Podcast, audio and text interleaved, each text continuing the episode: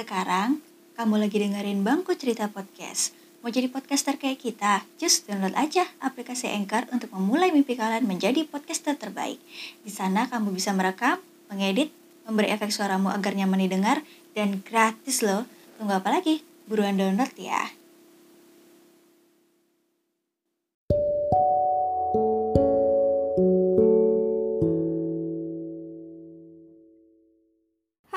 Apa kabar hari ini? Semoga kita dalam keadaan baik-baik saja. Oke, hari ini Mbak Bel bakal ngebawain tema bundir. Hmm.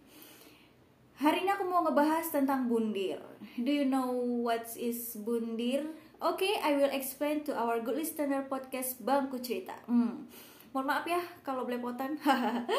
Jadi, bundir itu adalah pikiran yang dapat membuat seseorang untuk menghilangkan nyawa bahaya nggak? Ya jelas bahaya.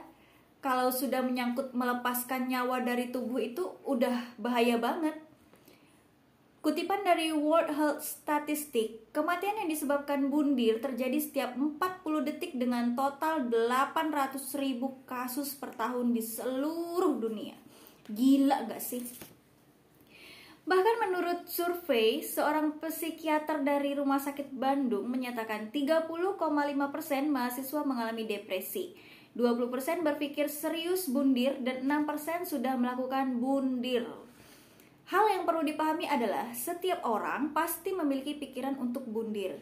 Ya, jujur, aku juga pernah punya pikiran sebahaya itu. Kadang mikir, untuk apa sih?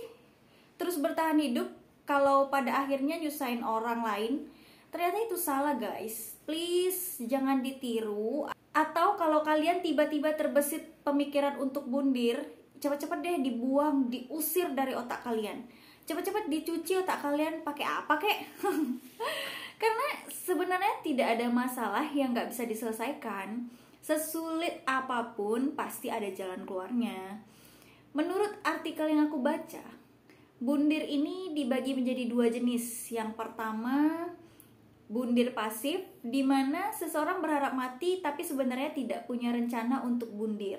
Yang kedua, bundir aktif, yang berarti seseorang tidak hanya memikirkan tentang bundir, tetapi memiliki niat untuk bundir, termasuk merencanakan bagaimana melakukannya. Nah, bundir ini lebih banyak mempengaruhi orang-orang yang memiliki masalah kesehatan mental seperti depresi, stres, bipolar. Hal ini bisa terjadi kepada siapa pun, mau remaja, tua, muda, nggak pedulilah siapa pun dia, atau bahkan putus cinta, terlilit hutang, masalah ekonomi, bisa memicu pikiran untuk bundir. Dan bisa juga terjadi karena mereka putus asa mengalami kecemasan tinggi, gangguan konsentrasi, mengisolasi diri, tidak memiliki opsi penyelesaian lain, dan mereka ini merasa kesepian, tidak punya alasan hidup, sehingga orang yang bundir berpikiran dengan dia mati masalah yang dihadapi semasa hidupnya tuh clear, selesai gitu. Yang aku sebut ini merupakan gejala-gejala dari bundir itu sendiri.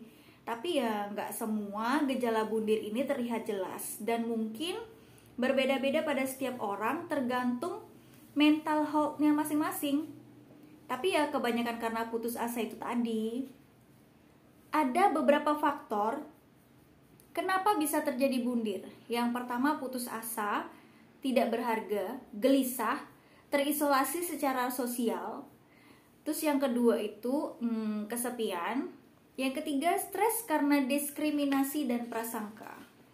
Yang keempat, mengalami bullying atau trauma. Yang kelima, mengalami peristiwa hidup yang menegangkan. Yang keenam, memiliki gangguan kejiwaan seperti depresi, putus cinta. Yang ketujuh, tidak ada support system yang pas. Hmm.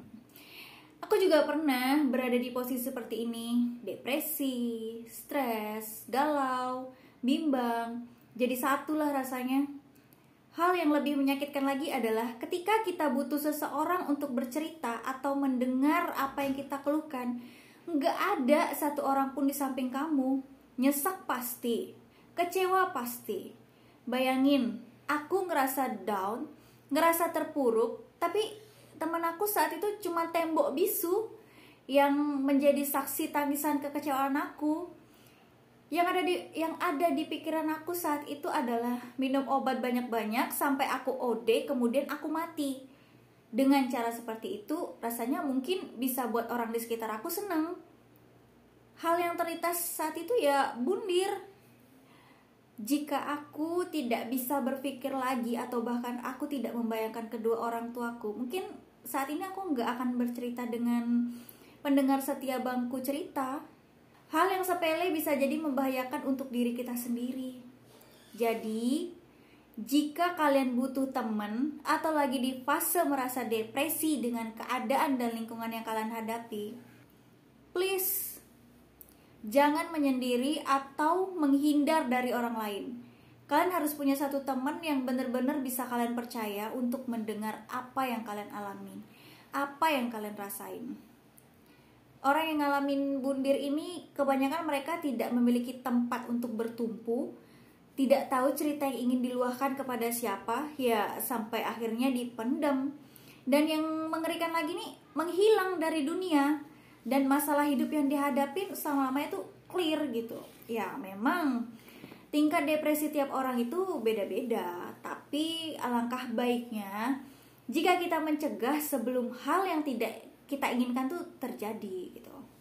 Sering kok kita melihat orang yang kita kenal baik, hidupnya happy, ternyata menyimpan segudang masalah hidup.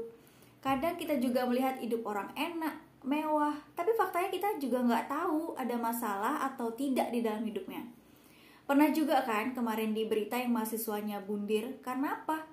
Masalah psikologi, putus asa, justru orang-orang yang seperti itu tuh harus kita rangkul, kita sambut dengan telinga yang lebar untuk mendengar keluh kesahnya. Gitu. Oke okay, guys, tingkat kewarasan seseorang itu berbeda-beda. Jadi, jika kalian punya temen yang kelihatannya sedih, murung, tanyakan dengan dia. Do you have problems? Please tell me how do you feel? Stop cuek dengan keadaan sekitar Jadilah pendengar yang baik, sekaligus mempelajari apa yang dia pikirkan dan rasakan.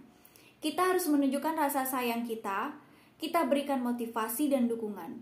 Walaupun kita mungkin tidak bisa membantu secara material, tapi setidaknya kita bisa menjadi salah satu support system untuk dia. Oke, lebih semangat untuk hidup, hindari hal-hal yang membuat stres, Teruslah berafirmasi positif sehingga kita bisa merasa lebih hidup. Bye bye.